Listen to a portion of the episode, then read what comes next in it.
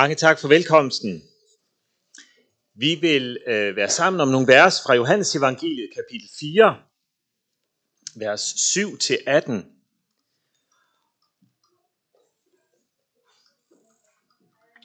Og de lyder sådan her. En samaritansk kvinde kom for at hente vand.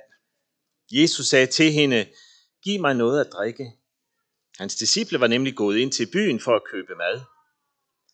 Den samaritanske kvinde sagde til ham, Hvordan kan du, en jøde, bede mig, en samaritansk kvinde, om noget at drikke?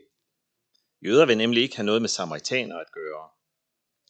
Jesus svarede hende, Hvis du kendte Guds gave og vidste, hvem det er, der siger til dig, Giv mig noget at drikke, så ville du have bedt ham, og han ville have givet dig levende vand. Kvinden sagde til ham, Herre, du har ingen spand, og brønden er dyb. Hvor får du så levende vand fra? Du er vel ikke større end vor fader Jakob, som gav os brønden og selv drak af den, ligesom hans sønner og hans kvæg. Jesus svarede hende, en hver, som drikker af dette vand, skal tørste igen. Men den, der drikker af det vand, jeg vil give ham, skal aldrig i evighed tørste. Det vand, jeg vil give ham, skal i ham blive en kilde, som vælger med vand til evigt liv. Kvinden sagde til ham, Herre, giv mig det vand, så jeg ikke skal tørste og gå herud og hente vand. Han sagde til hende, gå hen og kald på din mand og kom herud. Kvinden svarede, jeg har ingen mand. Jesus sagde til hende, du har ret, når du siger, jeg har ingen mand. For du har haft fem mænd, og den du har nu er ikke din mand. Der sagde du noget sandt. Hellige far, nu beder vi om, at du vil hellige os i din sandhed, for dit ord er sandhed. Åbn vores hjerter, så vi må høre dit ord og bevare det. Amen.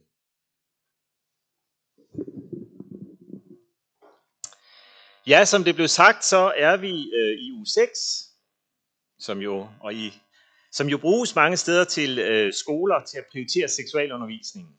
Ret oplagt. Og derfor synes jeg også, det er rigtig fint, I her i menigheden gør det samme. Fordi kristne har ikke nødvendigvis mere styr på det her område, end alle andre har. Og det er jo ikke, fordi Bibelen ikke har noget at sige om emnet, men kirken har en tradition af forlegenhed, som vi må forholde os til. Og det er jo ikke, fordi sex ikke fylder noget i samfundet, må vi sige. Ja, måske har det aldrig fyldt mere i det offentlige rum. Medierne, kunstnere, de elsker at fokusere på det, og ja, det er jo også en nem måde at få opmærksomhed på.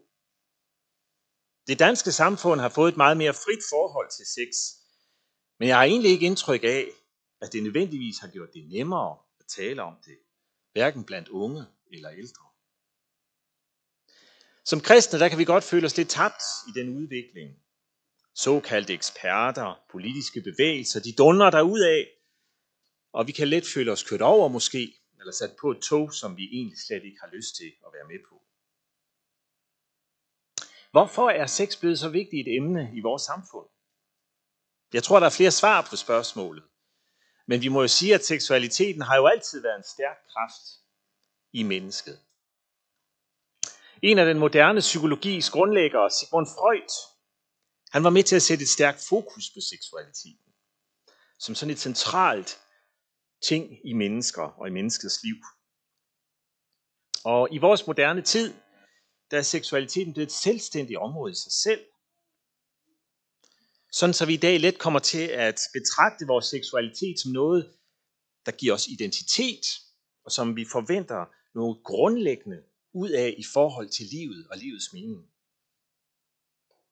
Sådan var det for mig, da jeg som teenager måtte konstatere, at seksualiteten var en stærk kraft i mig, som jeg ikke bare kunne kontrollere og styre og gøre sådan en lille side af mit eget liv.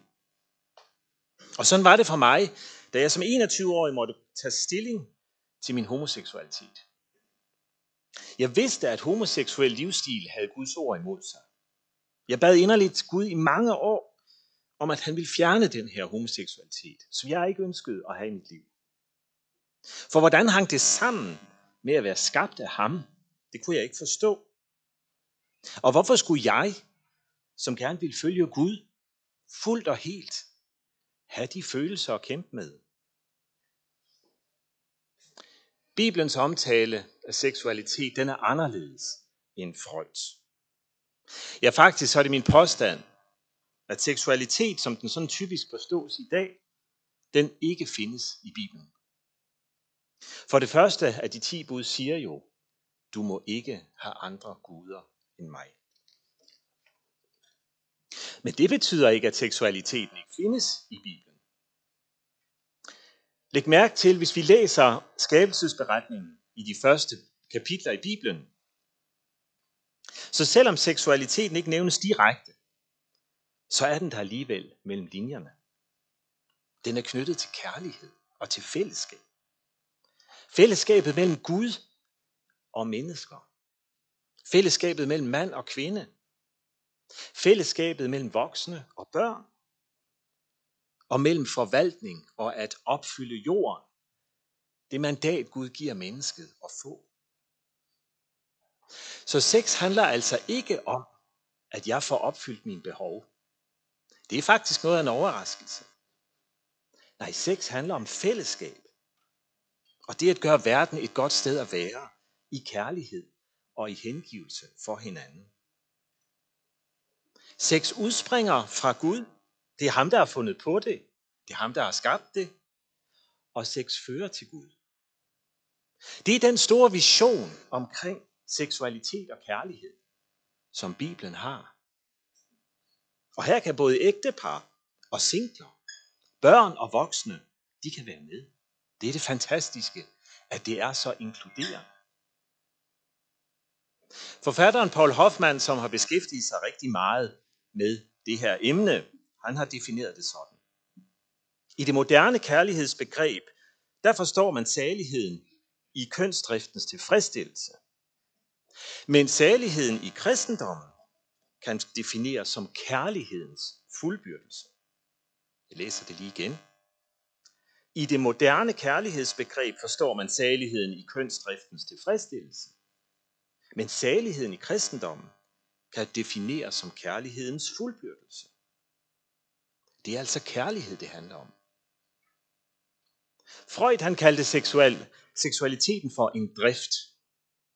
Det vil sige et behov, der skal opfyldes, hvis vi skal fungere som mennesker. Eller et instinkt nærmest, som er med til at hive os ned på et dyrisk niveau, gør os til dyr. Men Bibelen giver os nogle andre billeder af seksualiteten. I højsangen, som jo er den bog, der handler meget om øh, seksualiteten og erotikken, der sammenlignes seksualitet med en kilde. Kilden i haven er en brønd med rindende vand, der strømmer fra Libanon, står der i kapitel 4.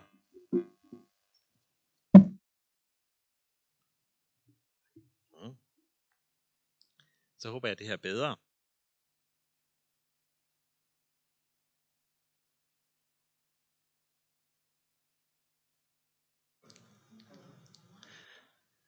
Ja, det er jo ikke... Okay. Jeg skulle lige sige, det er jo ikke alt nyt, der er bedre, men øh, det håber vi, at det er her.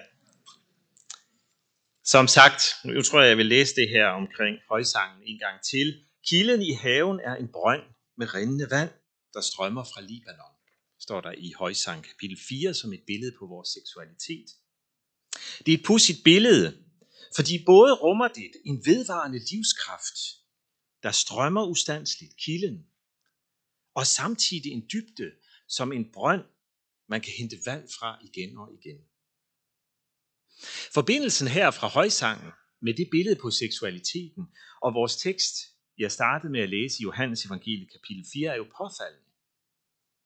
Jesus møder i vores tekst en kvinde, hvis liv var noget smadret, også seksuelt set. Vi får at vide, at hun havde haft fem mænd, og den mand, hun havde nu, var ikke hendes mand. Og hvad tilbyder Jesus hende her?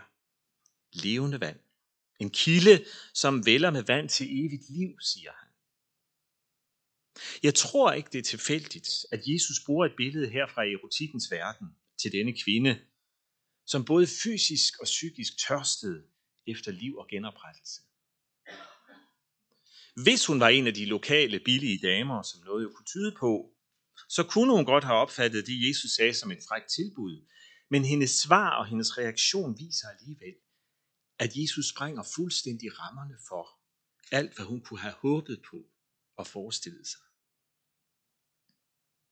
Hvad er Jesus svar til os, som er forvirrede og udtørrede omkring vores seksualitet?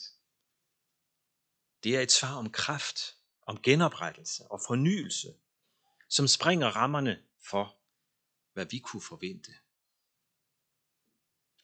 Tilbage til min egen sommer i 1997. Der tænkte jeg, jeg står ved et valg. Enten følger jeg samfundets trend og søger at få min dybe længsel opfyldt gennem seksuelle oplevelser, eller også må jeg søge Gud på en ny måde. Jeg valgte det sidste, og det blev en kamp, som kan minde lidt om Jakobs kamp, som vi kan læse om i 1. Mosebog kapitel 32. Der læser vi om, at Jakob kæmpede med Gud, og det slutter med, at han siger, jeg slipper dig ikke, før du velsigner mig.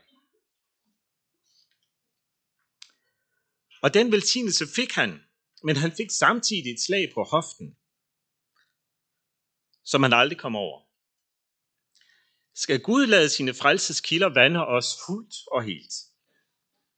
Og her tror jeg også, det gælder vores seksualitet. Så vil vi også komme til at opleve, at vores svagheder de bliver tydeligere. Igen en årlang vandring med Gud, måtte jeg måtte, hvor jeg måtte vokse og modnes i mit liv som single. Der endte jeg med at komme dertil, hvor jeg kunne gå ind i et dejligt og rigtigt ægteskab med Bodil. Men samtidig har jeg måttet erkende, at min seksualitet den er ikke perfekt. Sådan som jeg havde drømt om. Den er ikke blevet helbredt eller omvendt på sådan en eller anden mirakuløs måde, så nu er det bare fantastisk og derudad. Men ud over den velsignelse, som seksualiteten giver os i vores ægteskab, så er den også blevet et vigtigt redskab til igen og igen at minde mig om kilderne, frelsens kilder, som Jesus taler om. Der er en god gammel tradition i kirken for at knytte højsangens erotiske digte mellem kvinder og en mand til forholdet mellem Kristus og kirken. Og i den gamle salme, som jeg har fået lov at vælge til at synge, at vi skal synge her bagefter, der knyttes de to ting sammen. Det er nemlig også min erfaring, at når Gud genopretter vores brudte seksualitet, så knytter den os ikke bare stærkere til ham, som er kilden, men også stærkere til andre kristne. Ligesom livets kilde sprænger rammerne for vores krop, sjæl og ånd, så sprænger Gud perspektivet i forhold til den måde, vi forholder os til vores omgivelser på. Også i vores tid er vi så frygteligt selvcentrerede. Men Gud har jo skabt os til fællesskab. Jeg er overbevist om, at skal vi som kristne og kirke finde nøglen til at manøvrere bibelsk i vores tids seksuelle kaos, så skal vi væk fra vores tids snæversynede fokus på drift og behovsopfyldelse, samt den her romantiske drøm om den følelsesbaserede lyserøde forhold mellem to forelskede. Det er ikke det, vores seksualliv skal bygges på. Nej, vi skal tilbage til den langt bredere forståelse for seksualitet og kærlighed, som Bibelen har. Den, hvor vi giver os selv og vores kærlighed til verden i efterfølgelse af Kristus. Vi kan ikke selv gøre det, men han kan, og han vil åbne sine kilder for os, hvis vi vil give ham lov til det. Han som selv er gået foran ved at give sig selv fuldstændig kærlighed til os. Han som tager imod os. Det er jo egentlig en fantastisk ting, at dåben er også til stede i dag. Han som tager imod os med sit levende vand, også i dåben. Og det store billede, det er på vores fællesskab med ham og med hinanden. Og det er den erfaring, mange af os gør os i knus. Ofte på den hårde måde, men også i velsignelse. Vi kan tænke på Jakob igen fra 1. Mosebog kapitel 32, som gennem sin kamp med Gud blev forvandlet til at være en, fra at være en beregnende egoist til den patriark, der blev et redskab for Guds frelse til hele verden. Han fik jo også løftet, ligesom Abraham, i din slægter, igennem hele din slægt, der skal hele jorden velsignes. Og her fik Jakobs seksualitet jo, på trods af de tydelige svagheder i en virkelighed, hvor han fik børn med forskellige kvinder, og der var kaos i familien. Alligevel fik han seksualitet sin plads i Guds velsignelse. Sådan åbner Gud op for sit levende vand for os udfordrede og brudte mennesker. For det er jo det netop med vores tomme og snavsede krukker, som også den samaritanske kvinde havde med sig, at han kan fylde dem, og at vi kan bede ham om det. Amen.